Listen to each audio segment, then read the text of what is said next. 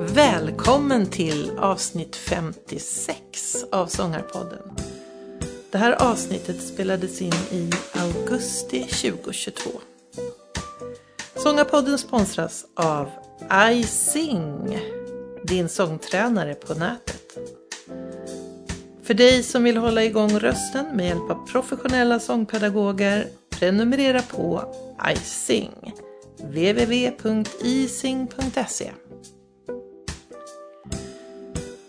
Han är basisten som har ett brinnande intresse för timing och sväng. Så till den grad att han till och med har skrivit en avhandling om timing. Basist, jazzlärare och före detta lärare vid Kungliga Musikhögskolan i Stockholm. Vi väntar på Ambjörn Hugart.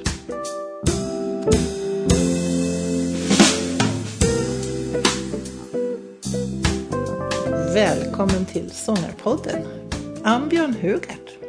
Tackar.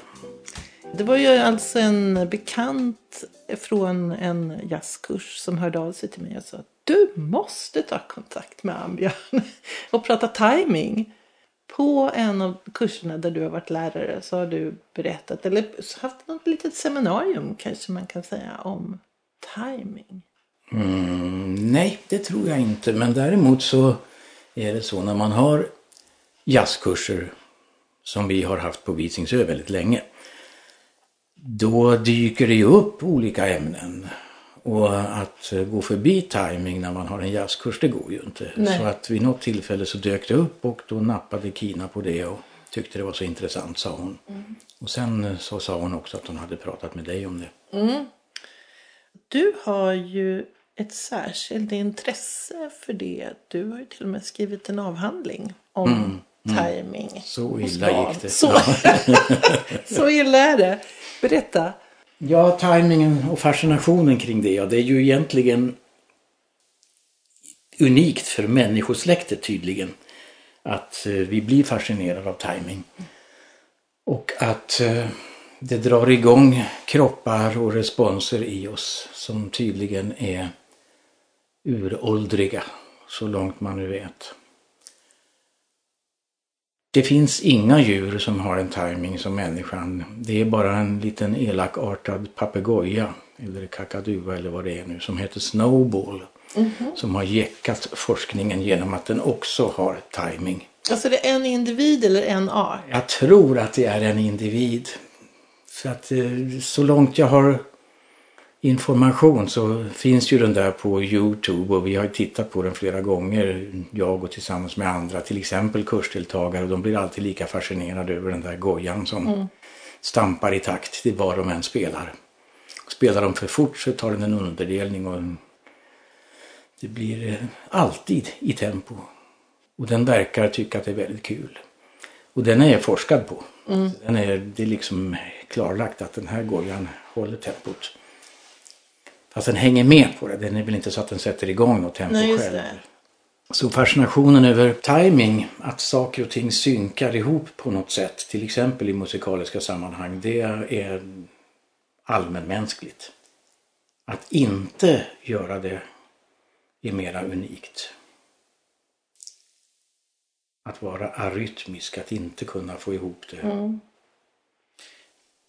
Men En del människor verkar ha lite svårare än andra att lära sig dansa till- exempel. Då är det lite åt det hållet. Att man inte riktigt känner, känner grundrytmen eller vad man beror lite grann på var det sitter. Alltså man är ju olika smidig i kroppen. Eh, Vissa har lätt att lära sig spela fotboll och vissa räknar väldigt lätt ut var en boll kommer att vara om en liten stund och sätter foten precis där och får den att gå in i krysset och andra har lite svårare för sånt. Och det är inte timing så som den musikaliska timingen men det är trots allt en timing som är kopplad till kroppen. Och låt säga att man är utrustad med väldigt bra timing uppe i huvudet för att det är framförallt i huvudet och huvudets samspel med kroppen som timingen, den musikaliska, funkar. Och skulle det vara så att man är väldigt tajmad i huvudet och kroppen inte med så kan man ju ha svårt att lära sig dansa i alla fall. eller spela trummor eller något instrument. Och lida utav det, att man inte får tajmingen att bli som man vill. Men sen är det precis som du säger att tajmingen är olika för olika människor. Det är inte så att alla bara har den och så fortsätter att finnas där utan man har den i olika mått. Man har genom livet utvecklat den i olika grad eh, genom olika saker man har gjort mer eller mindre medvetet. Och så är man där och har man inte riktigt timing då har man inte riktigt förmågan att uppfatta det heller. Så det kan vara att man i musikaliska sammanhang har bristande timing och man är den enda som faktiskt inte märker det. Så kan det vara. Det är ungefär som att vara lite dum i huvudet. Man säger. Vad hemskt! Det, det värsta är att man märker inte själv. Just det. Det är många som driver med det, speciellt i valtider så här. Men så kan det ligga till och då kan man lätt tro att timing har man eller också har man det inte och det är falskt. Mm. Utan det visar sig ju att det går att utveckla i väldigt hög grad. Och det var ju någonting som jag var lite undrande och intresserad av. Nu har vi, nu har vi diskat av det, det går. Men jag hade tidigare podcastavsnitt med Anders Edenroth från The Real Group. just det. Och han pratade om faktiskt att när de började en gång i tiden som studenter på KMH och hade möjlighet att ägna tid åt att få ihop den här vokalgruppen. Att en sak som de jobbar mycket med det var att få ihop deras timing. För att eh, de hade olika uppfattningar. Det tog ganska lång tid innan de var liksom ihop. Och då får man justera lite till dess att alla också hade, var bekväma i den timingkänslan och tyckte att det var härligt och att det inte är obekvämt att ligga lite före då kanske eller efter som de själva upp, upplevde. Mm. Berätta lite om din avhandling för då började du ju studera det här på barn. Mm, mm. Ja, det... Jag hade ju varit musiklärare i väldigt många år redan när jag började få intresset att studera specialstudera det här med timing. Och hade ju märkt att barn hade ju väldigt olika förmåga att visa timing. Och att eh, det också fanns en utveckling som man kunde se tydligt. Och att det var lättare till exempel att eh, få samspel att funka i årskurs 7 än vad det var i ja, årskurs 2. Och sådana där saker vill jag ta reda på då. Är det så att man har en individuell timing som man bär med sig som individ från en stund till nästa och ett tag i livet. Hur långt tid håller en personlig timing i sig och hur motståndskraftig mot förändring är den där personliga timingen. Sånt var jag intresserad av för att det har ju en avgörande betydelse för hur man jobbar som pedagog. Hur angriper man timingfenomenet när man ska spela tillsammans? Hur eh, resonerar man i huvudet kring de pedagogiska insatserna när det gäller till exempel ett barn? Hur hjälper man ett barn som sitter med en gitarr och ska försöka göra saker samtidigt med andra och det går sådär? Så att sånt var ju intressant. Och sen har jag ju varit basist eh, väldigt länge i mitt liv också och eh, då måste man umgås med timing och trumslagare inte minst. Och då är det ju så att vissa trumslagare skulle man ju Ja, man blir liksom platoniskt förälskad i trumslagaren oavsett kön. Bara för att det är så härligt att spela ihop. Och då är ju timingen fantastiskt viktig.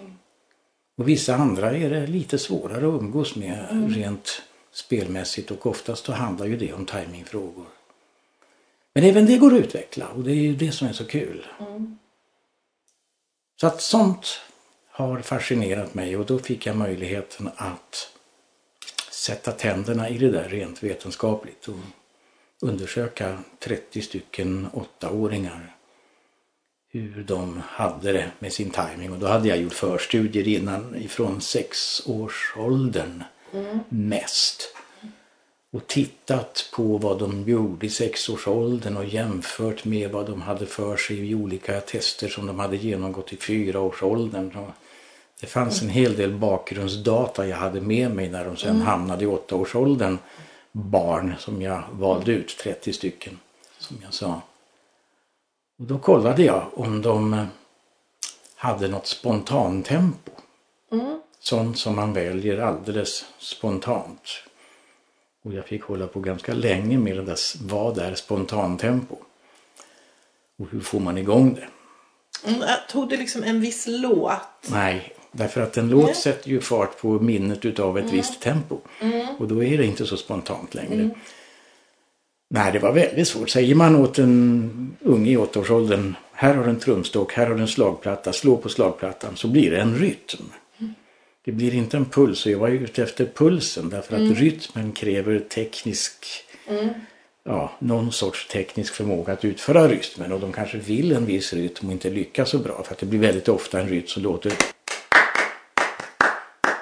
Sådär. Mm. Och, det går olika bra för olika ungar oavsett alltså, om de vill hålla tempot. Är det någon sorts generisk så eller? Det ska jag inte säga men det, var, det hamnade ofta i den ah, vad spännande. rytmen. Men eh, jag fick testa olika instruktioner. Mm. Och den som fastnade för att den funkade praktiskt taget alltid, det var slå många gånger. Och då kom det igång. Ja. Och när det hade varit typ fyra slag ja. så räknade datorn ut genomsnittet på de här slagen. Till exempel 132 slag mm. i minuten. Mm. Och sen gav den 132 slag i minuten via ett ljud som barnet hörde. Det var ett ljud från en virvelkagge. Och sen skulle barnet spela med. Så att hur bra barnet sen kunde hänga med i sin eget spontantempo Aha. mätte jag. Och sen mätte jag även om man sakta sakta förändrade det här spontantempot uppåt och neråt. Mm. Hur länge kunde barnet hänga med och ha en pulsföljande beteende som funkade och då mätte jag varenda slag i millisekunder mm. och fick en liten stapel uppåt om det var lite för fort och neråt om det var lite för långsamt. Jag fick en väldigt tydlig graf på hela prestationen. Ja. Och då visade det sig dels att spontantempot, ja det är stabilt. Vi hade två, tre veckor mellan tillfällen och jag hade tre tillfällen med varje barn. Så att det skulle inte behöva finnas några minnesrester av hur fort spelade jag sist. Ja, just det. Och då visade det sig att det fanns ju ungar som spikade exakt samma spontantempo tre gånger i rad. Men det är ju jättekonstigt. Ja, jag har en liten unge där i materialet som hade 121 beats per minute. Hel, exakt jämt. tre gånger. Men det, det här låter ju inte klokt. Alltså ursäkta men jag, alltså, jag har aldrig tänkt på det här.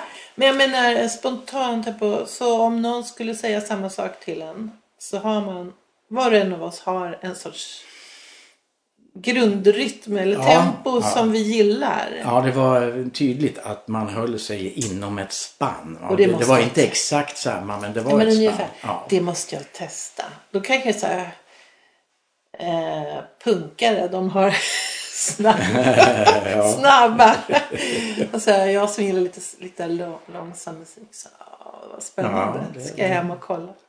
Det, vilka karaktärsegenskaper de hade det testade jag inte. Men eh, Nej. jag såg ju att de allra flesta låg inom ett relativt snävt intervall. Mm.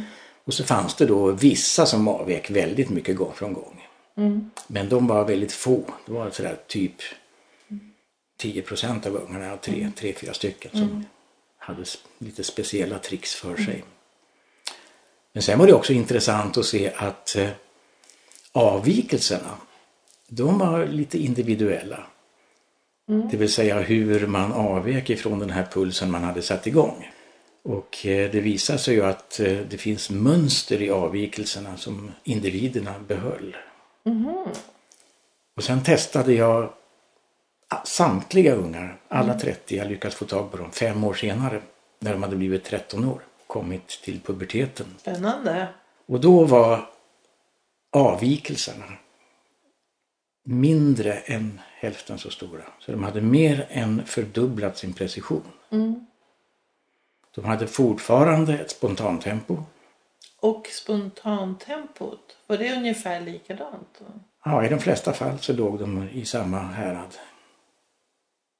Det tycker jag är ganska märkligt. Ja.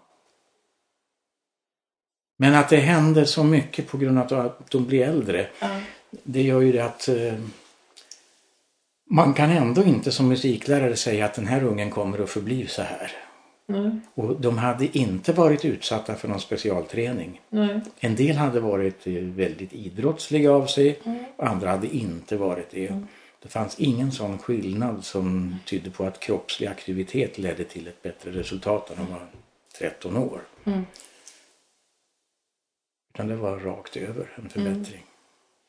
Men eh, kan man, eh, finns det, kan man koppla det till eh, en allmän förbättring av motorik till exempel? Som måste ju också vara studerad. Alltså en sexåring eller en åttaåring kan de här sakerna. En Ja, ja, ja, ja men så, så är det ju. Vi utvecklas ju. Ja. Ja. Och eh, kroppskontrollen den är ju inte färdig förrän långt upp i åldrarna. Och sen går det ut för från 20 25 års ålder. Och sen, ja, det den? Nej, men vi behöver inte vara oroliga för det. Men så ser ju mänsklig utveckling ut. Ja, precis. Men vad, vad, det var ju väldigt intressant. Dels så, ja, utveckling, men det där grundtempot man har i sig. Vad, det är ju, känns ju... Ja, många kommer med förslaget att det måste ju hänga ihop med hjärtrytm och så när de får reda på i vilket intervall de här ungarna var. För att det är ju ganska lika hjärtfrekvensrytmer. Hjärtat ligger något lägre men, eh, än vad de här ungarna gjorde. Men spontantempo när det finns i vetenskaplig litteratur överhuvudtaget ligger något lägre än just mina ungar. För där har man ju testat ofta lite äldre individer och det verkar som att det ligger lite lägre då. Men eh, nu har inte jag följt den allra senaste rapporteringen. Nej. Men eh, det är inte hjärtrytmen. Utan den råkar vara i samma intervall. Hur, eh, den här att de kunde följa mm, ökning och minskning av tempot. Blev det betydande bättre så att säga? Ja, allt blev bättre när de blev 13 år. Men eh, det var inte så att de utsträckte intervallet de kunde hålla så speciellt. Utan eh, det område frekvensmässigt de höll sig inom var ungefär lika. Och man såg direkt när de inte orkade spela fortare eller när de började balla ur för att det gick för långsamt. För när trumslagen kommer väldigt långsamt Ja. då går man ifrån timing till reaktionstid. Att man försöker liksom pricka nästan när det kommer och slå så fort man har hört det. och då, då syns det direkt i i graferna att här är det inte timing längre utan här har man ett mycket sämre utfall. Men det som är intressant tycker jag är ju det här mänskliga förmågan som också den här papegojan har då. Att det vi pratar om när vi säger timing, det betyder ju faktiskt att vi kan räkna ut när nästa slag ska komma. Just det. Jag brukar berätta när jag har föreläst om de här forskningsrönen och då är det ju ett antal personer i lokalen, det kan vara flera hundra. Och istället för att tala om vad det är jag har forskat på så brukar jag klappa händerna lite oregelbundet så här. Och så har de fått instruktioner att klappa när jag klappar. Det låter ju som en spridd applåd för de fixar ju inte det. Att slå Nej. på reaktionstid bara och klappa till. För de har ju ingen ordning alls på när mina klapp kommer. Nej. Men sen går jag över till en stadig puls efter ett tag. Och då är ju alla smäckrätt. Eh, Precis. Det är skillnaden där. Vad är det som händer när jag går in på att varenda ny klapp kommer på ett förväntat ställe i tiden. Då kan ni sätta den där. Därför att ni fattar var den kommer. Ni kan mäta er fram i hela kroppen och huvudet till att där ska den komma. Och skulle jag sluta klappa så kan ni fortsätta. Det är det som är timing och det tycker jag är fascinerande. Ja. Ja men verkligen. Jag tänker så här, ja men varför har vi den förmågan? Ja. Vad tror du själv? det, det, finns så många som har spekulerat kring varför har vi överhuvudtaget musik? Mm. Varför har vi fascinerats av det så länge vi kan överhuvudtaget få fram rön? Mm. Och varför har vi det fortfarande? Mm. Så att där är det ju så att vi går ju omkring i svaret. Bara våran kärlek till musik visar ju att vi har det med oss men vi har väldigt svårt att förklara varför. Mm. Det finns teorier om det här med tajmingen som handlar om mänsklig fortplantning, människosläktets överlevnad. Och de är väl inte så tokigt formulerade. Det finns forskare som har tänkt, det kanske inte alla håller med om, men eh, tanken var att eh, man klättrar ner från träden och man då faktiskt i den manliga betydelsen. Mm. Och eftersom vi är tvåbenta, om vi står på stället och trampar så är det lätt att det blir en jämn puls. Och är det så att man låter rösten härma den där pulsen och en massa forntida hannar inom det tidiga människosläktet står och låter. Mm. Så var tanken i den här teorin att då ska honor ur främmande flockar höra det där eftersom Ah. man, män som låter tillsammans hörs på så långt avstånd. Ja, men det är ju inte särskilt attraktivt måste man säga. Ja, jag har det är provat snarare det. Jag har så att det provat låter det som en, vad heter det, härskri eller vad man ska ja, säga. Skri. ja, jag har låtit männen faktiskt ställa sig upp i olika Ja. publika sammanhang där jag föreläst om det här och stå och stampa och sen börja låta på det där sättet. Ja, funkar det då? Ja, sen frågade jag damerna om de tyckte det var attraktivt. Ja. Det är hittills ingen som har sagt det.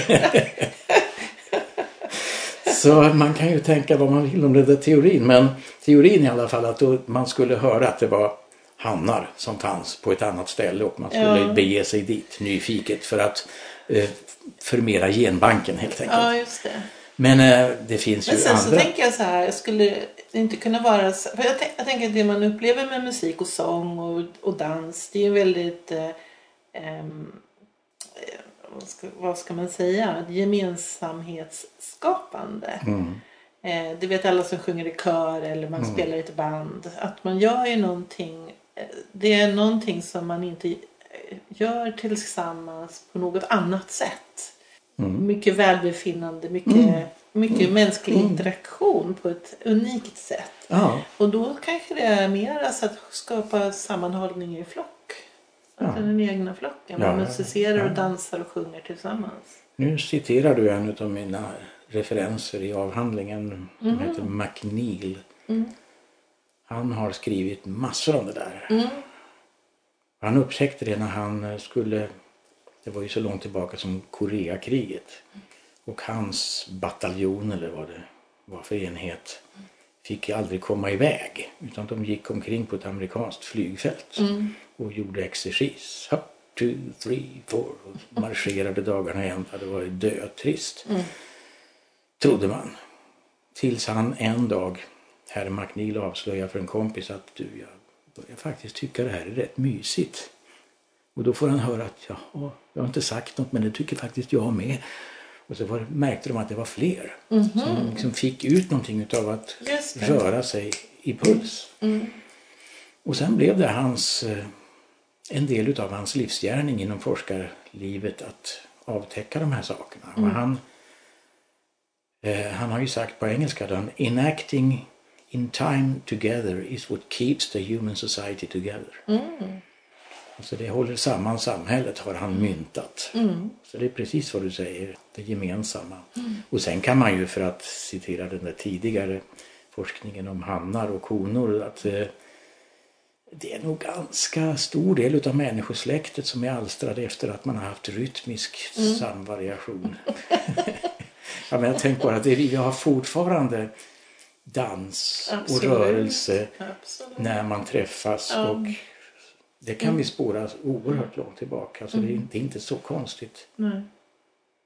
Så visst, det kan finnas en sån aspekt utav det. Men just tillfredsställelsen som du säger också att eh, man gör saker tillsammans. När man tittar på äldre människor som kan vara mer eller mindre dementa, rör sig väldigt stappligt, sitter och lyssnar på en konsert på ett äldreboende.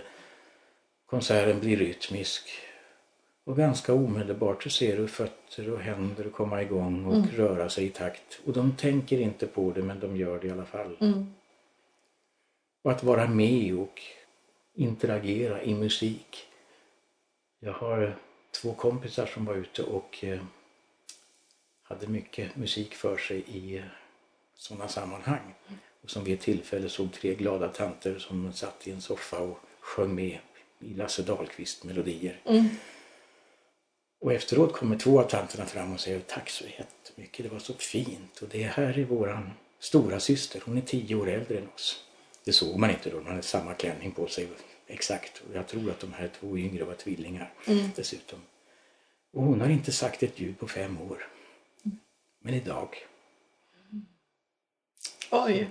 Ja, det, jag blir alltid så rörd när jag tänker på vad mm. musiken ställer till med, med mm. människor som Ja, det bryter igenom och det får ja, människor att bli aktiva. Det finns väldigt många olika dokumentärer, tv-program, filmer som har skildrat det här på mm. ett väldigt bra sätt. Mm.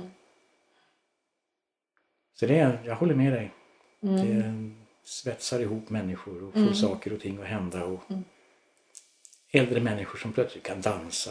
Mm. Annars kan de knappt gå med kryckor. Just det. Ja, men jag funderar på det ibland när man musicerar ihop. När man umgås och interagerar på ett liksom icke-verbalt sätt. Eh, men väldigt eh, liksom intimt på något vis är det. Det finns inget annat. Det är ingen idrott, det är inte sån. Dans kanske på halvvägs. Mm, mm, mm, halvvägs. Men ändå så tänker jag att just det här musicerandet det är när man märker att någon kommer med en impuls och så hakar man på eller det är häftigt. Mm. Och väldigt många säger ju att har man musicerat ihop eller dansat ihop eller båda delarna för det mm. hänger ju så otroligt intimt ihop så tycker man plötsligt att man känner personer mm. på ett djupare sätt än om man bara hade suttit och pratat ytliga Exakt. floskler med varandra. Exakt. Sånt som man normalt brukar prata om. Ja men precis. Efter din avhandling då? Hur fortsatte du med det här? Vad har det Ja, det har ju, just det ämnesområdet har väl mm. kanske inte fortsatt så väldigt mycket mer än att jag fick ju en, en, en doktorstitel då som gjorde att jag kunde få ett annat jobb. Mm. Flyttade, hamnade på Musikhögskolan i Stockholm. Så på det sättet så ledde det ju vidare och sen mm. har jag haft ett väldigt intressant jobb där tills jag nu är pensionerad sedan några år tillbaka. Så att jag, jag är lycklig med, med min timing. Men på KMH då, då eh, var du lärare i? Musikpedagogik mm. som var ämnesområdet. Och då hade du ju nytta av din avhandling. Ja, oh ja och mm. eh, eftersom vi jobbade väldigt mycket med vetenskap, forskning, vetenskapsteori, konstnärlig forskning och mm. sådana ämnesområden så var ju den vetenskapliga sidan som kommer med en, en avhandling, ett avhandlingsarbete väldigt viktigt. Jag har handlett väldigt många studenter i mm. deras egna arbeten och det har varit väldigt spännande att få mm. igång ett tänkande kring hur man utvecklar sin egen konstnärlighet, sitt eget uttryck. Mm. Många som kommer till en musikhögskola är ju eh, inte riktigt beredda på att när man sen lämnar musikhögskolan så måste jag ta hand om min egen utveckling själv i de mm. sammanhang som jag hamnar som musiker. Oavsett om det handlar om till exempel klassisk musik mm. eller jazz eller folkmusik. Mm det är ju eh, ett eget ansvar mm. efter att man har varit omhuldad under en hel uppväxt och gått mm. i olika skolor, haft olika lärare, olika omgivningar som har hejat på. Och till slut så lyckas man ta sig in på en högre utbildning och kanske också med en masterutbildning. Mm. Men sen då? Mm. Just det. Och det har varit väldigt spännande och där har ju vetenskapliga verktyg varit väldigt viktiga i eh, den konstnärliga forskningen och konstnärliga utvecklingen. Att få tag på sin egen utveckling, veta vart jag vill med den och få reda på om jag går åt rätt håll och kunna utvärdera det på ett vettigt sätt så att jag känner att det var rätt eller inte rätt. Mm. Det, där, det finns en jättestort område där konstnärlighet och vetenskap möts och man får gärna kalla det för konstnärlig forskning om man vill, bara man inte missförstår det som att eh, det konstnärliga ska in och in under lupp hos vetenskapen för att godkännas. Det finns många på den konstnärliga sidan som är ganska skraja för det vetenskapliga. Men jag menar att de vetenskapliga verktygen kan spela en väldigt stor betydelse för en konstnärlig utveckling. Mm. Just det.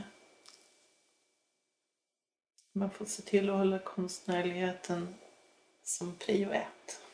Så.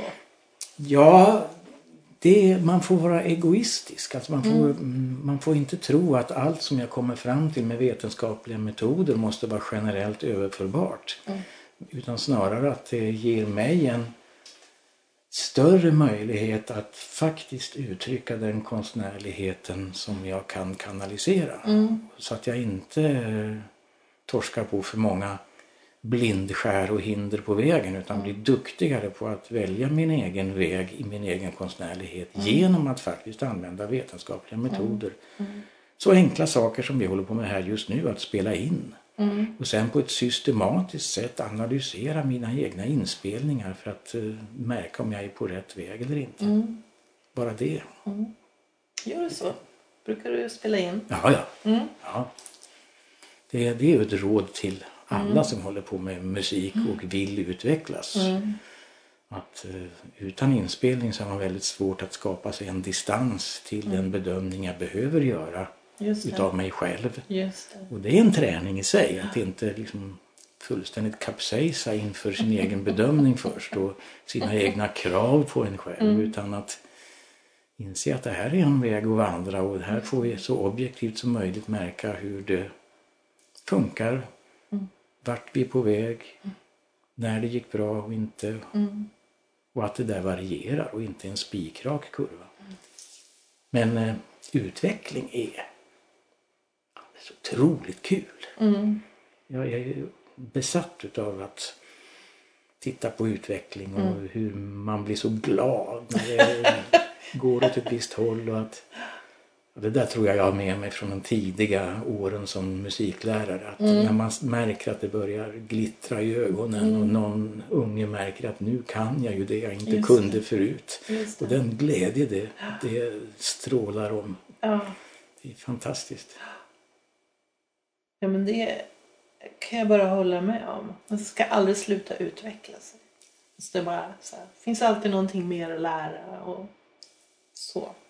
Ja, ba- bara man inte får det som en, ett självdestruktivt mantra. Det, det finns ibland idéer om att du ska varje dag se till att du är lite bättre dig själv än vad du var igår. Det, det, det leder ju bara rakt in i väggen. jag tycker vi struntar i det. Ja, nej, det, det är farligt. De kraven får man inte ha på sig själv för att då kan man bara misslyckas. Men om man misslyckas ärligt och märker att man gjorde det. Att kunna använda det misslyckandet som en klivsten emot framgång. Det. det är trixet. Ja. Nej men det är väl det där med prestationskrav och göra rätt eller göra fel istället för att musicera. Liksom, det, är- det är väl där många kanske går fel. Jag upplever ju mycket att inom den klassiska musiken att det kan tendera att vara mera eh, fokus på att det ska vara rätt. Ja, ja, ja. Korrekt spelat enligt noterna så här. Eh, och man kan glömma bort själva Jo, vi, vi vill ju gärna knyta det till genre så. Det ligger nog mycket sanning i det. Men eh, det är också så att alla genrer har möjligheten att torska på att hamna i göra rätt-träsket och prestationskraven. Och då är vi ju lite tillbaka till sånt som brukar drabba musiker när man ska prestera. Att det finns spänningar och man känner nervositet och allt sånt. Och du vet hur det går med kroppen när man är nervös. Och vi har varit inne på att hjärnan och kroppen hänger ihop när det handlar om timing. Och om man tappar kroppen för att man blir pressad då kan man ju också förstå att det där vi utgick ifrån timingen Precis. börjar ju brista. Och det där vokalister har ju ett alldeles speciellt litet område där som går att jobba med och som är lite speciellt sårbart. Låt säga att du kommer fram till en orkester och ni ska göra en låt som ni har bestämt. Mm. Och du ska räkna in den där. Då ska du hitta ett tempo. Och om du då är lite spänd inför vad du ska prestera då är det väldigt mycket svårare att hitta det där tempot. Mm. Det är väldigt mycket svårare att ge det stadigt Mm. på ett sätt så att alla fattar att det är det här tempot som ska vara. Det är väldigt mycket som är svårare. Ja, Ju. ja, Sen börjar man sjunga och så är rösten. ja, ja. ja det är jättespännande och- med röst. Usch. Nej men det är lite så. Det ser ju om alla som blir nervösa men just det här, vi som sjunger att det är, det är extra. Sådär. Man hör ju det väldigt. Det hörs ju väldigt direkt. Så. Ska vi prata lite om Visingsö? Vad Visingsö-kurs är? Ja. För där träffades vi. Vi kom fram till att det måste varit 2017. Mm, Och, det verkar så. Ja. Och för de som inte vet vad de här Visingsö-kurserna är, berätta. Ja, de ligger som sagt på Visingsö. Mm. Som ligger mitt i Vättern. Mm. En halvtimmes färjeresa ifrån Gränna.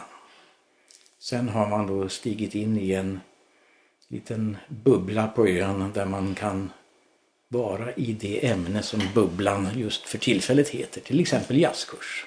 Eller någon annan kurs som också kan finnas där. Men jazzkurser har jag varit inblandad i sedan 1981 på Visingsö. Det är Varje- helt makalöst. Varje år utom 2020. Ja, just det. Mm. Det är 40 år. Mm. Eller Minst. 40, 41 då. ja, Eller, det beror på hur man räknar. eller att- 42. För att re- redan första året när det inte ens hade gått ett år så hade vi haft en kurs. Just det. Och det är ju eh, Björn Sjödin från Uppsala som organiserar. Men du var ju med allra första året. Mm. Och det finns fler Ja. som hänger i. Ja. Jodå, det är... Mm. Vi är nog några stycken ifrån originalutgåvan 1981. Det är Björn Sjödin som du sa. Claes-Göran Skoglund är inte längre med oss, men han var med och startade det hela. Jonte Högman heter en lång saxofonist och kär vän som var med från början. Och Ulf Johansson, Verre, trombonist, pianist Mm. och också gammal vän var med från början. Mm. Han hette Ulf Johansson bara när vi träffades första gången på Visingsö. Mm. Ehm, sen dess har han tagit namnet Verre och det beror på att på Visingsö träffade han en dam som hette Verre. Ja. Det har ju också gått från att vara, ja jag antar att ni första året så tänkte vi gör en kurs och så gjorde ni det mer eller mindre pilotmässigt och sen så har det ju blivit väldigt stort. Det är, är det fem veckor på somrarna? eller? Nej, det, det är tre kursveckor. Tre, ja, men Ja. sen är det på, på vintern. På vintern har vi en vinterkurs. Ja, Där är inte jag inblandad men den, den går strax efter nyår. ja. Nej men det, det är ju fantastiskt. Och Ja. det är ju väldigt många människor som har det som ett måste. det är det som årets höjdpunkt att komma till Visingsö och musicera. Mm, det är viktigt att tänka på det du säger. Mm. Därför att man blir lite ödmjuk när man tänker på att eh, när man har varit med om och jobbat där varenda sommar och eh, sett det som ett underbart tillfälle under året när man är där. Att det finns människor då som går och ser fram emot det här nästan hela året och drömmer om den här veckan när de ska komma dit och träffa alla oss andra som är där och de andra kursdeltagarna och tillsammans göra musik. Att, att det är så värdefullt. Det är lite, Ja. man blir ödmjuk inför det. Ja. För det kan man ju säga att folk kommer ju från hela Sverige. Ja, och, Och, eh, även, även- även utifrån ibland. Och så får man ingå i en ensemble. Och det är eh, instrumentalister och sångare. Och så spelar man för lärare på dagen. Och så jammar man på kvällarna. Mm. Ungefär ja. så. Och då är det jazzensemble-veckor. Sen finns det också en vecka som har sångkurs. Det finns en blues-gitarrdel i den. Och eh, där finns det också jazzensemble inblandat. Men eh, då är det lite äldre jazz. Traditionell jazz. Okej. Så det, det är lite olika upplägg. Men eh, jazzensemble är en viktig del som du säger.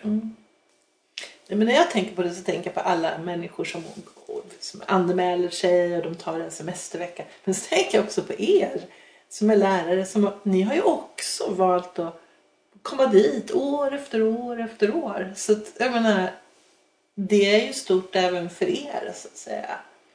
Ja, ja, oh ja, oh ja. Det är det. Det är jättestort. Det är någonting man inte gärna missar. Nej. Ja men det är jättehärligt att höra och jag har ju varit där. Sen har vi pratat lite innan att vi har, det finns flera kurser i Sverige. Jag har provat en som heter Jazz and Blues Academy som numera är i Sigtuna. De har två kursveckor per sommar. Jätteroligt. Sen så finns det en kurs nere i Falkenberg som går ibland, dock inte i år. Eh, och vad kallas?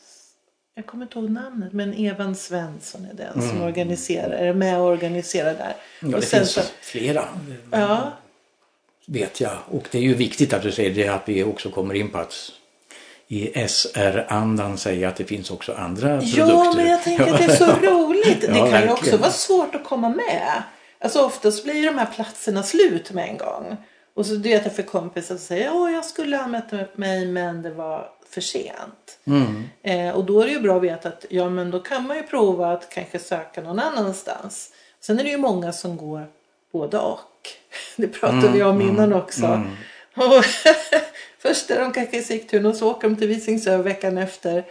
Eh, eller också så att man gör olika olika somrar. Att man Precis, växlar ja, om. ja. Och jag tror det är, det är ju det var bra. Det är roligt. Ja, det- alltså det man tar med sig lite från, från olika kurser. Sen kan man ju ge sig ut utomlands som vi också pratade om. Mm. En, en gemensam bekant som åkte till Frankrike och gick jazzkurs. För någon Mm. amerikansk jazzsångerska tror jag som hade kommit hit. Ja. Jag tror att det var så. Ja men det finns Ja, det- mycket det finns roligt. Och det är, när man då har hållit på så länge som vi har gjort så Mm. fattar man ju att alla de lärare som är inblandade här de blir ju inte heller yngre och yngre Nej. för varje år. Så man kan ju med fog fråga sig om det är samma fenomen här som på många jazzklubbar. Att man ser att medelåldern sakta stiger. Och eh, medelåldern har nog varit ganska hög på Visingsö-kursen i alla fall. I stort sett sedan vi startade. Så vi har ju sakta åldrats i kapp med medelåldern på våra kursdeltagare. Men eh, det, det finns en återväxt både när det gäller läreriet och när det gäller kursdeltagare som är väldigt glädjande för att det inser ju vem som helst att vi kan inte hålla på i evighet, vi som var igång från början. Och det är väldigt kul. Det har ju varit några dippar under den här långa tiden där var lite glesare med anmälningar och intresset kanske inte riktigt var så stort från den yngre generationen. Men det har tagit sig och kommit igen och det är jättekul. När en kursvecka ett år är avslutad så är det ju väldigt ofta som vissa instrument eller sång är fulltecknade för nästa sommar på en gång. Ja och då är det ju svårt för nya. Alltså de som Ja, inte har gått ja. förut har ju svårt att få plats. Så det är lite, ja. Men sen mäktar man kanske inte med att arrangera fler veckor. Men jag skulle kunna tänka mig att efterfrågan är ganska Ja visst och det där kommer ju upp i utvärderingar också. Jag hade en väldigt eh, tydlig och konkret utvärdering från en person här efter året som menade att det fanns så många andra möjligheter och även inriktningar genremässigt det. som man skulle kunna spinna på och även andra aktiviteter, även med dans inblandat. Då. Och visst säger jag, det är jättekul om man lyckas få igång det och få någon folkhögskola att nappa på att det skulle Just kunna vara ännu mera. För att ju mer sånt här vi gör desto bättre känner jag att det är Absolut. på nästan alla parametrar vi skulle kunna titta på. Ja. För att Tittar man rakt över människor som har gått en kursvecka och det är nog inte bara hos oss och det är nog inte bara det ämnesområdet vi har så mår man bättre. Man har varit tillsammans med andra människor. Mm. Man har fått prata om annat än polariserande politik och andra Precis. frågor som splittrar samhället Mm. som det ser ut idag och man får umgås med de här sakerna. Så jag tror att det har en ren samhällelig nytta om man får vara lite, också.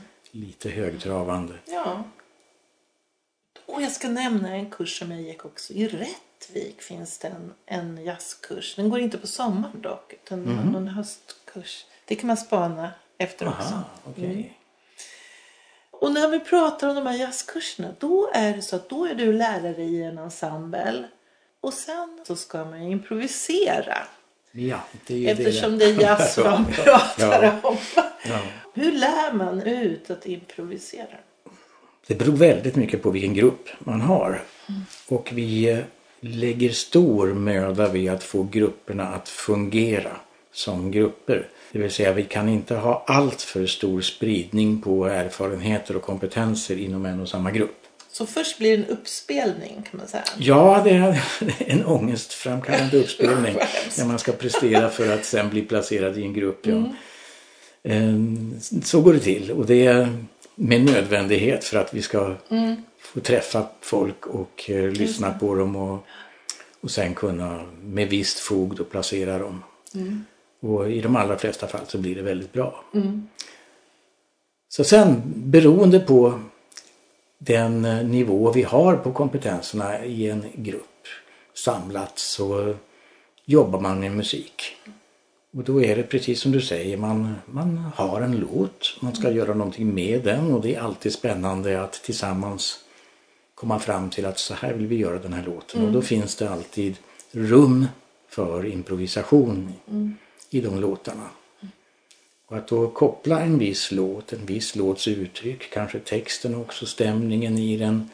Titta på hur den är uppbyggd, vilken harmonik, vad är det för stuk på låten som vi brukar säga ibland. Vilken sorts groove ska den ha? Och snabb, långsam, latin, swing. Det finns så mycket. Och då utgår vi ofta ifrån det som är en gemensam traditionell låtskatt som ganska många känner till. Dels så är det sånt som eh, följer en möjlig pedagogisk mall när det gäller teori och hur vi utgår från improvisation och grunden för det.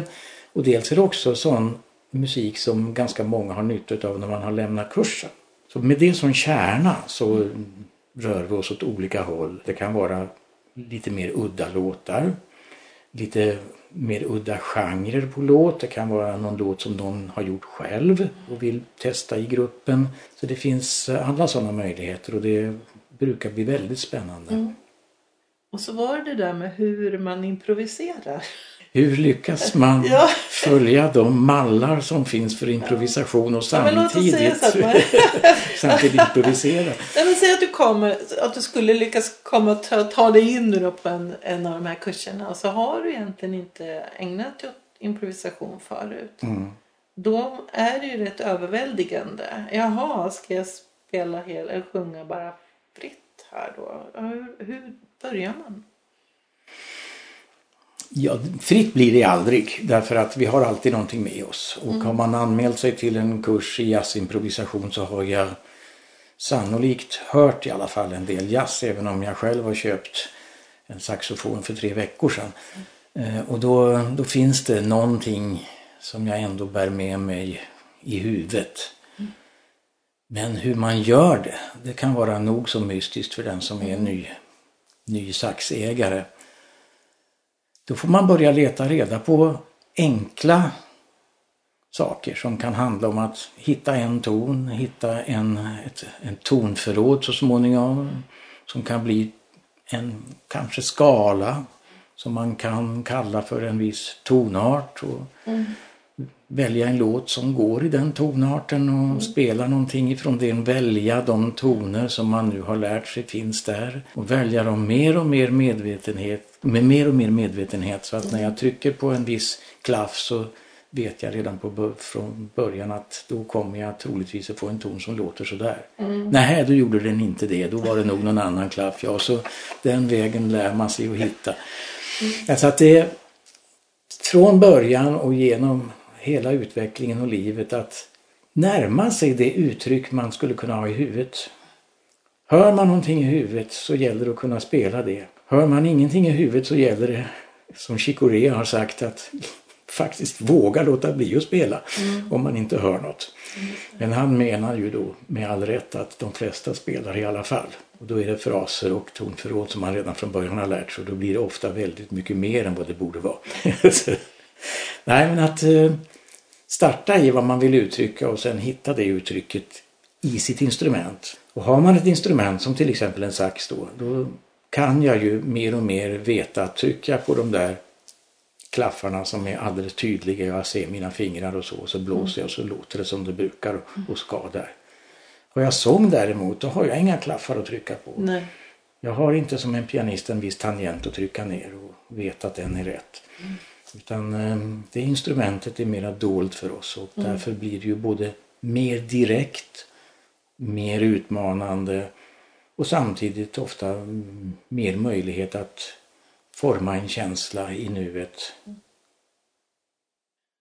Det där var väldigt väl formulerat när det gäller liksom fördelarna och nackdelarna med att sjunga när det gäller improvisation. För på ett sätt så kan man ju sjunga på gehör ja, och det blir ja, någonting ja. och det kan bli riktigt bra. Men du har ju inte samma möjlighet att genom att titta på ett ackord eller en ackordföljd och säga ja men jag spelar de här intressanta tonerna, det blir nog bra. Ja men sångare har ofta, genom att inte instrumentet syns mm. och genom att den omedvetna struktur man har om låtar i huvudet. Man vet hur den låter, man vet hur den går och man vet hur man brukar sjunga. Då, och så vet man hur ackord och harmonier brukar låta man är mera medveten än man faktiskt tror. Det är mm. vanligt. Men man väljer ändå ganska säkra kort när det handlar om de strukturer jag använder om jag ska improvisera. Så man, mm. När man skattar till exempel mm. som man kallar det i, i sång. Och eh, någonstans så någon gång behöver också sångare som har den här medvetenheten våga ge sig ut och höra vad som händer om man tar till exempel en ton som man absolut inte är säker på utan mm. tar en ton bara vilken som helst nu mitt i alltihopa. Mm. Sen lyssna på sammanhanget och leta dig tillbaka via andra toner till där du känner att du är på mm. fast mark. Ja, och det, det låter väldigt skrämmande först men man, man märker att det var inte så skrämmande och det gick förbluffande fort att hitta strukturer. Mm.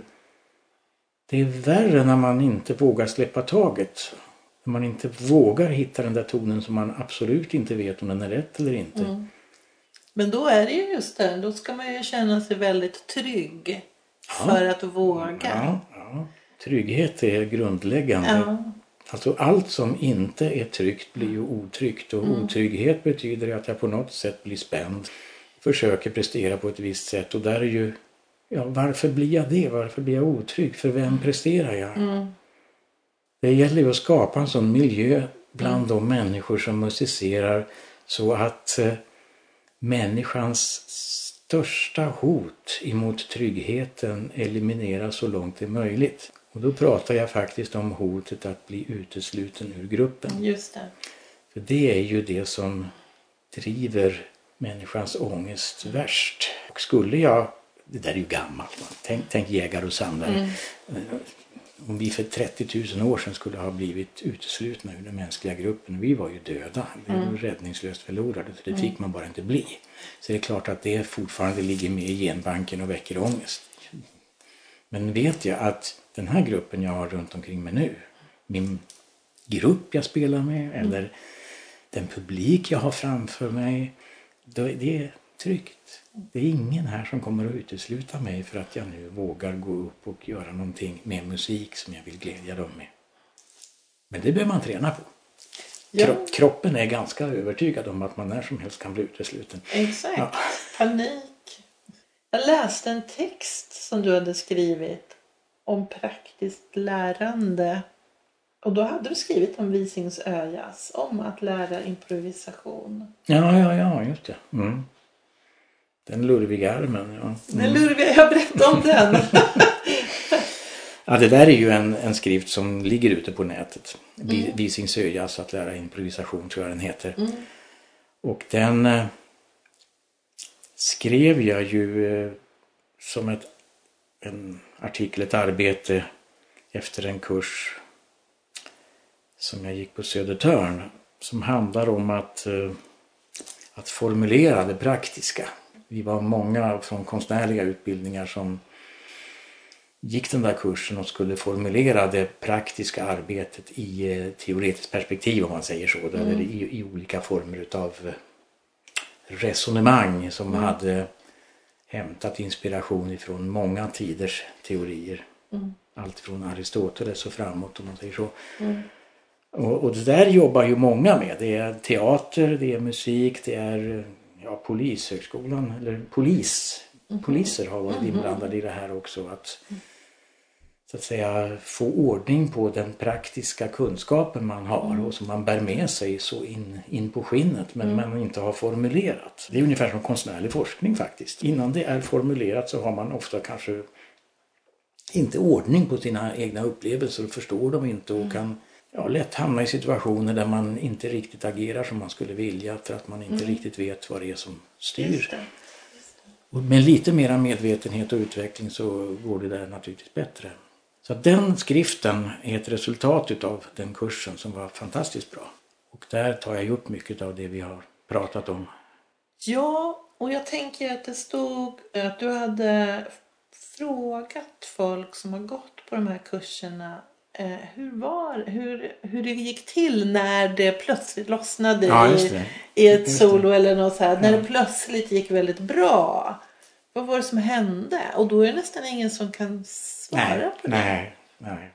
Och det här var ju inom ramen för en kurs. Jag sa att jag skulle skriva den här skriften Mm. Just det. och eh, just därför gärna ville ställa de frågorna. Det var Just de det. helt med på från början.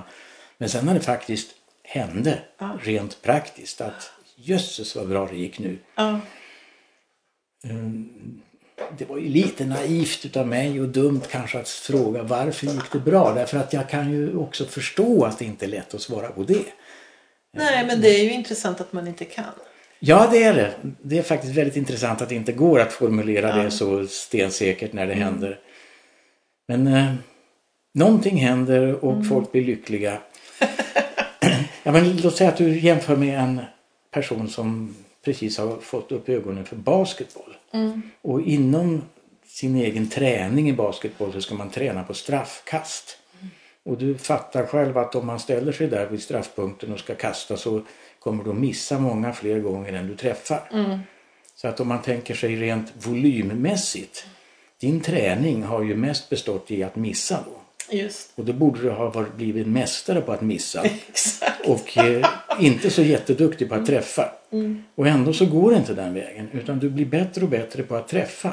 Så att de få gånger du träffar korgen så måste det hända något speciellt.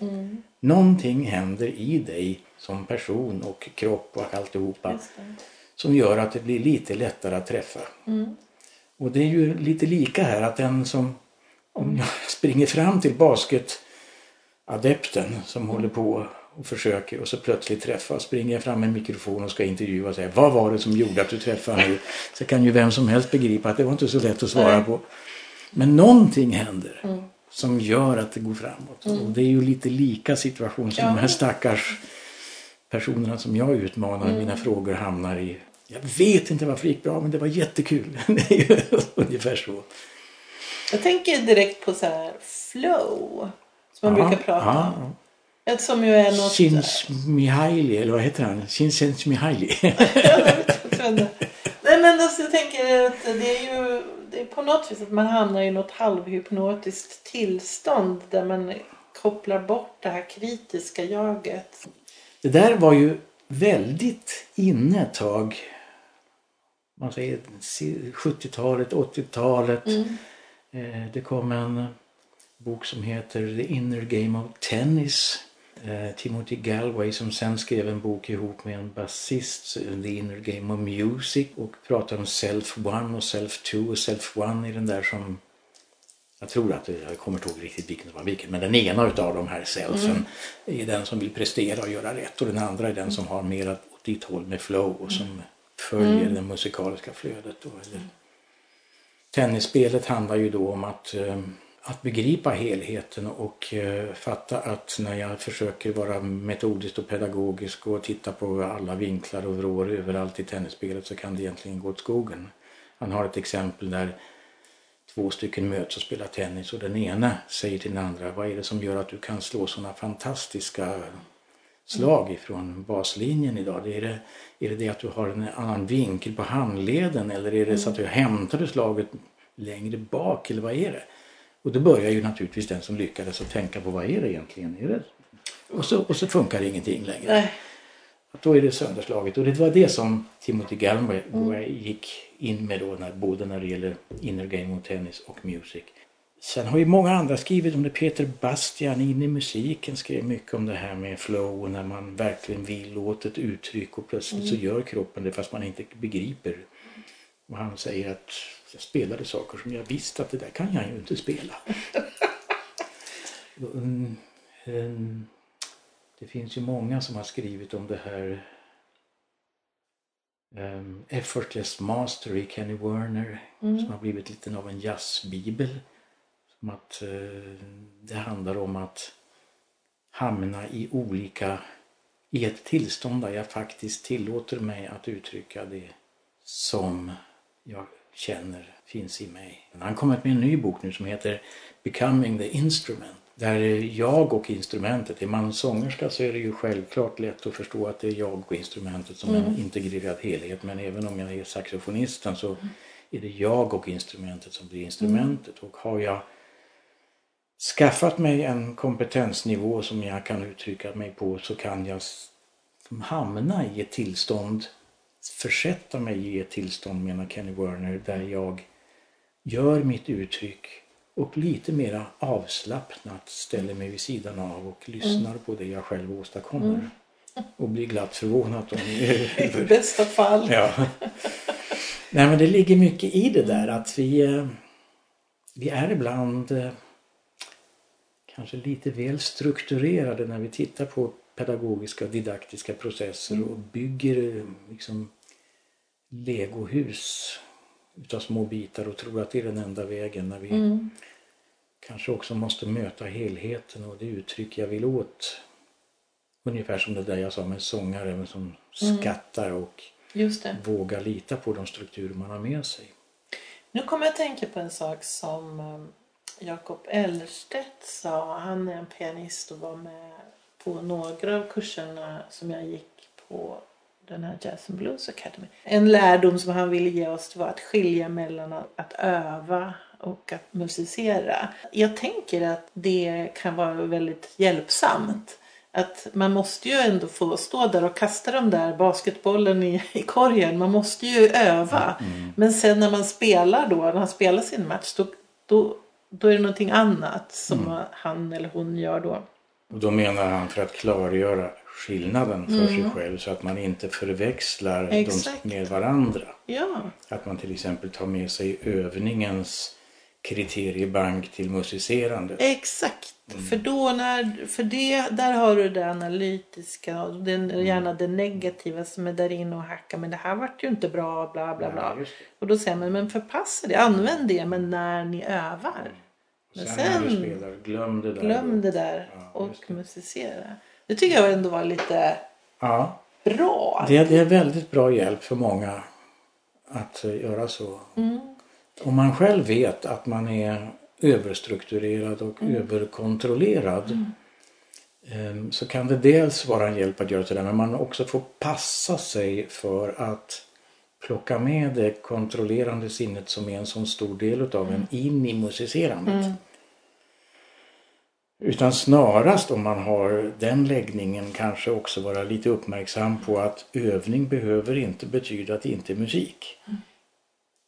Alltså övning kan vara mördande det. tråkigt när jag ska åt vissa saker jag behöver göra. Just och det, det. behöver inte bara vara tekniska saker. Det kan vara gehörsmässiga saker. Ja, att använda datorer och plattor och annat till att eh, härma olika intervall jag får höra och bli bättre och bättre på det. Det är också övning. Det. det. Men att inse då att när jag övar på en viss detalj, en viss teknik, en viss sekvens utav motoriska aktiviteter, någonting sånt här. Så finns det inget fel i att faktiskt låta det bli musik.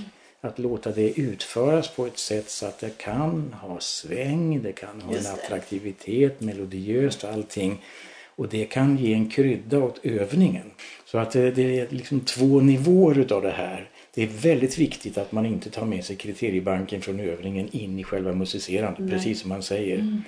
Men att man inte tror att det är svartvitt utan att det finns stora fördelar med att ge musik till övningen också.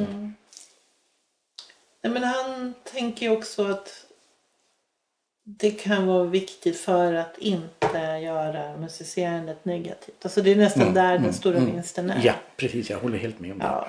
Och så tror jag att han pratar om att inte hålla på för länge heller. Men, men ändå avsätta en viss tid. Nu Mm. är det övningar. Så. Och sen, men här, för han menar på många av oss som sjunger i alla fall vi amatörer att vi går direkt. Allting blir musicerande fast sen Ja, men det är, det är ett gammalt vanligt trix att om du för att mäta ens egen koncentration, alltså sätt koncentrationen på 100 så mycket du orkar på 100, alltså max. Sen övar du på en grej i två minuter och du kan inte tro hur långa de två minuterna är. Och då kan man ju ofta göra reflektionen att nyss stod jag och övade en kvart på en grej och det blev inget bättre. Men övar du hyperkoncentrerat mycket kort tid så når du ett mycket, mycket bättre resultat kvickare. Och det är också det där när du lyssnar på vad du har gjort när du har spelat in det. Att inte bara lyssna efter de ställen där du tyckte att det gick si eller så för då har du ju redan bestämt dig. Utan lyssna koncentrerat på alltihop. Och det är jättejobbigt. Man tror ju inte det när man bara först säger det. Men det kräver väldigt mycket ansträngning att vara koncentrerad fullständigt. Ja, nu fick vi bra tips här. Ska man gå tillbaka till det här med timing så tänker jag ibland på eh, olika musikgenrer som ger olika timing. Mm. Eh, och jag själv har lyssnat väldigt mycket på brasiliansk musik i hela mitt liv. Mm. Och det har gett mig en, en lite annan timing, tror jag, än vad de som inte har gjort det. Mm. Eh, och vad, vad tycker du? Liksom? Vad, vad är din erfarenhet? Som ursvensk och inte ett dugg brasilianare. Nej, jag Nej, har men ju jag träffat, jag har ju här- träffat på Man kan kolla på och- afrikansk ja, musik ja, visst, eller visst, pop ja. eller... Nej men det är ju självklart så att man kan jobba jättemycket med eh, latinmusik till exempel. Latinamerikansk musik. Och jag lyssnade för ett tag sedan på en inspelning från Westdeutsche Rundfunk som hade en, de har ju en gigantiskt bra jazzorkester med väldigt, väldigt duktiga musiker och som ofta bjuder in amerikanska solister och, ja, från hela världen. Och de spelade latin och sen var det från eh, eh, Club Coca-Cola det här eh, i New York. Club Dizzy, Club Coca-Cola heter det. Det är, det är ju eh, uppe vid Columbus Circus och det var Carlos Hernandez som ledde ett latinband där, storband, samma besättning som det tyska och det tyska hade varit helt fantastiskt. Och så när man lyssnar på det som de spelade i New York med de här inflödena utav latinfolk i också, orkestern. Det går att bli hur fördomsfull som helst men man får lyssna själv och höra skillnaden och eh, uppleva den precis som man vill. Men det är en skillnad som jag hör och jag, jag är fascinerad utav den. Och det... jag har gått kurser och spelat sådana där hela veckor och det, det händer någonting när man Mm. är i det här flödet utav kubansk, brasiliansk musik och de olika klaves som nycklar upp musiken och alla de instrument som finns runt omkring. Och där, du nämnde det här med ligga före och ligga efter förut och det är ju så intressant därför att det händer någonting när man lyckas pricka mitt i. Låt säga att man som basist spelar med en trummis och man lyckas pricka bitet exakt. Låt säga att ride-cymbalen hos trummisen sitter ihop med basisten helt och hållet. Ja, sen kan ju trummisen börja variera hi-haten. Han kan variera framförallt virveln och låta den hänga eller låta den skjuta på. Då händer det någonting annat. Sen kan basisten plötsligt eh, gå lite före trummisen utan att öka men ligga lite före i varvet helt enkelt. Och då händer det någonting annat. Men man bör nog så att säga, så om man är till exempel basist så kan det vara bra att hitta det där sweet spot när man är tillsammans och sen, Och sen? sen, sen kan man börja undersöka de andra sakerna. Och jag brukar spela olika exempel för folk också så de får höra skillnaden när det ligger olika. Men det här Carlos Hernandez i New York, det är någonting som ligger lite olika på olika instrument i hela orkestern jämfört med den tyska orkestern. Och som gör att det blir elastiskt, spänstigt, spänstigt och spännande på något sätt som jag inte riktigt upplever i den tyska. Men det, det är inte för att den är tysk på något sätt och för att det, det har ju ett fördomsfullt rykte av att bli fyrkantigt. Det tycker jag inte alls vi ska säga. Men det, just de här två exemplen tycker jag belyser det ganska bra. Att få ett groove, det har med timing att göra. Men det är inte så att vi får ett groove som är typiskt för att vi försöker hänga med en trummis eller någon annan i orkestern i samma tempo.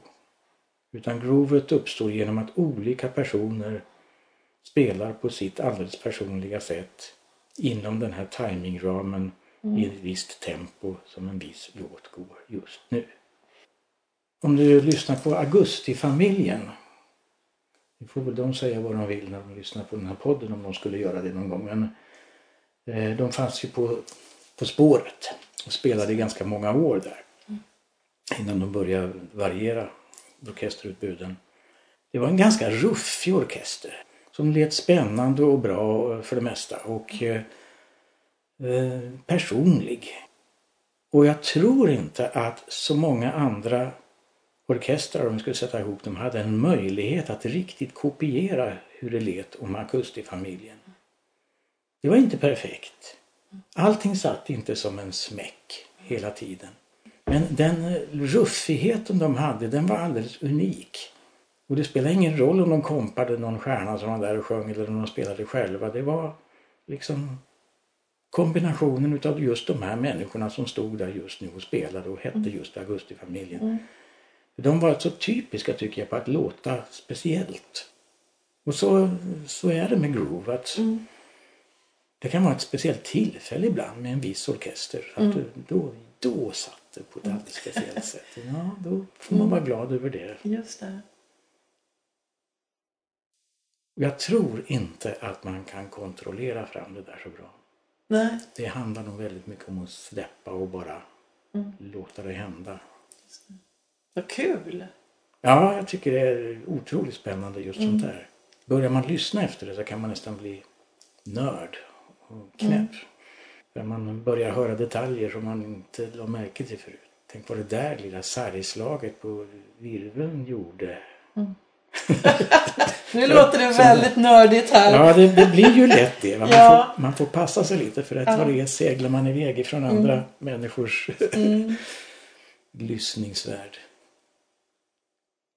Jag satt idag på morgonen och så tittade jag på Youtube på den här gruppen trion som heter Dirty Loops. Det är ju en helt Mm, annan genre. mm. Men där har man ju verkligen tre personer som är så samspelta. Mm. Alltså de kan ju byta tempo i en, en låt och det, det finns ingen tvekan. Nej. Alla tre känner exakt. Vad, Ja. vad är det nu för tempo? Ja, det är det här. Ja. Vad är det nu för groove och vad är det nu för sväng? Ja, det är det Ja. här. Och de, det är ju väldigt fascinerande att lyssna på. Ja, ja, Otroligt samspelta. ja. de, Och så är de ju in, individuellt extremt skickliga också. mm, Så, de, de är ju... Steely Dan är en annan sån här Mm. orkester som är väldigt precis. De, de sa ju någon gång, någon av huvudpersonerna där att det handlar om att gå beyond the point of perfection. Förbi, långt förbi Punkten där det är perfekt. just Där det det. börjar bli bara automatiskt. Just det. Man har distans till det perfekta till och med. Och eh, ja, Dirty Loops är ju sådana. Ja. Det, det är så perfekt som man nästan går sönder när man hör det. Det sitter Men som bara den. Ja, och de har ju kommit så att de har ju, det ser i alla fall ut som att de har jätte, jätteroligt. Ja, ja, ja. ja. I Det- sin totala ekvilibrism och Ja. samspelhet så har de dessutom roligt. Ja, ja. De hemska typerna. ja. Jag menar, låt säga att du skulle, vi var snacka om basket förut. Mm. Låt säga att du skulle tänka sig att ett svenskt basketlag skulle möta ett av de allra, allra bästa i världen. Mm. Eh, Och just den här dagen så är det så att det amerikanska laget bara spelar ut de svenska fullständigt. De har inte en suck att få tag i bollen. Mm. Och, och de, de spelar så perfekt bara så...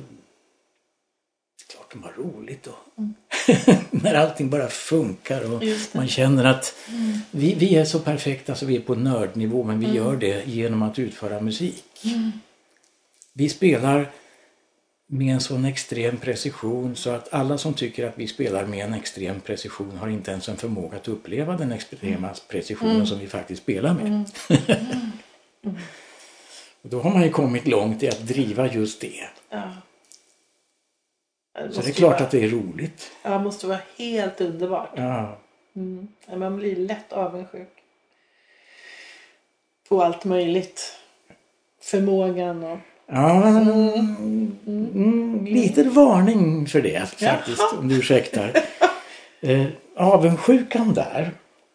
På ett civiliserat sätt som vi Jo, brukar ja, säga. men det, det är väl bra. Det är väl bra så att man inte går till några Nej, ytterligheter nej, nej. och får yttringar som blir Nej, tokiga. men jag tänker på att ehm, den som vi pratade om förut, som kanske inte har världens bästa timing och som det är uppenbart för är alla som spelar med den personen märker det. Den enda som inte märker det är den här personen. Mm.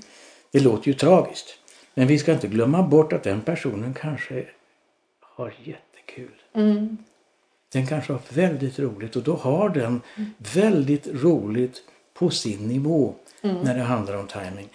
Och vem skulle vilja ta bort den lyckan? Ingen. Nej. Så att det är den där avundsjukan känner jag att mm, ja, om det är så att det ligger inom ramen för vad man skulle kunna prestera. Jag känner att det skulle kunna gå. Men just idag så lyckas jag inte hoppa över 6 och 21. Men det skulle vara kul att sätta 6 och 22. Tänker jag nog att det finns en viss svensk som skulle kunna tycka också någon gång. Va? Och skulle någon annan hoppa 6 och 22 då, vilket ju inte händer just nu. Visst kunde det finnas en viss avundsjuka där därför att den är ju så nära. Men vi andra som presterar på vår nivå. Det vore synd om vi lät avundsjukan eh, på något sätt Kanske besudla den Ja. lyckan. Kanske är så fel ord. Vad ska vi säga för ord när man säger Det är inget fel att sträva nej? och det kan ge en lycka i sig. Men att förta den lycka jag för tillfället upplever utav att vara i ett musikaliskt sammanhang precis på den nivå vi är. Precis. Det är ju det, det Ja. På. Visingsö är ju ja. inte alla grupper på samma nivå som vi sa förut. Va? Ja, men precis. Men det, skulle de vara behäftade med avundsjuka så skulle ju bara den bästa gruppen vara lycklig. och det- Ja, så är det ju inte. Nej. Nej, men jag tänker så här, det ser så, man kan känna hur härligt det skulle vara att ha den formen av frihet som de har. Så Ja. det, det är ju det som, och avundsjuka kanske det är fel ord kanske, men jag vet inte vad det skulle vara för ord. Men att man, man ändå man skulle önska Ja. att man själv kunde Om vara du där. jämför med ett Miles Davis citat då, som må vara äkta eller inte. Eh, han sa vid något tillfälle på 90-talet att jag hör en massa musiker omkring mig som kan spela skiten av vad som helst. Men de uttrycker ingenting. Mm. Och så kan det ju vara. Mm. Vad ville du uttrycka då? Mm. Som Chicorea. Hör du ingenting? Spela ingenting. Ja. Och då kanske jag är nöjd på den nivå där jag hör. Just det. Och då kanske jag har förutsättning att spela det. Mm. Och det kanske var det vackraste som fanns just nu. Just det. Om sen Dirty Lou skulle kunna spela mycket mer tekniskt kring någonting så är ju inte det någonting som har med våran situation att göra. Nej, så är det. Helt riktigt. Ja, men det är väl det där när man tycker att de båda har den tekniska skickligheten och uttrycket. Det är det. Ja, ja visst. Som det på något ja, och där är ju det musikaliska dilemmat eller dilemmat överhuvudtaget i livet. Att ha teknik att faktiskt uttrycka det jag vill. Och Mm. Olle Adolfsson som vi tittade på förut i boken jag läste. Han målade ju väldigt mycket. Mm.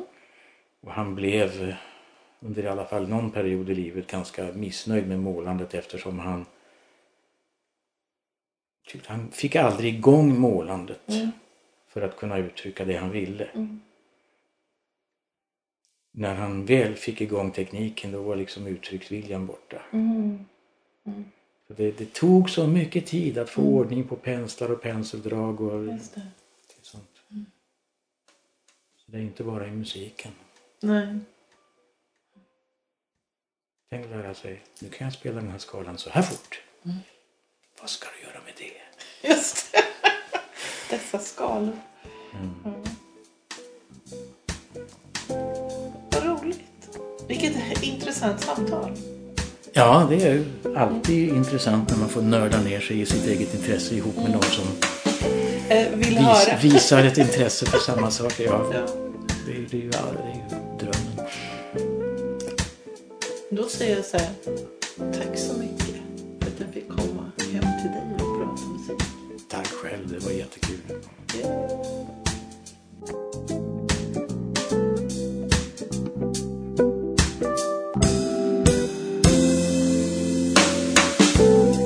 Du har lyssnat på Sångarpodden.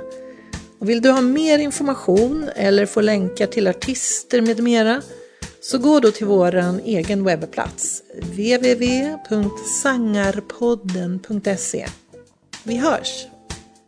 Du som är sångare och tycker att det är svårt att hålla igång din sångröst. Kolla in Icing, din sångtränare på nätet. Gå in på www.icing.se ising.se så får du veta mera. Vi hörs!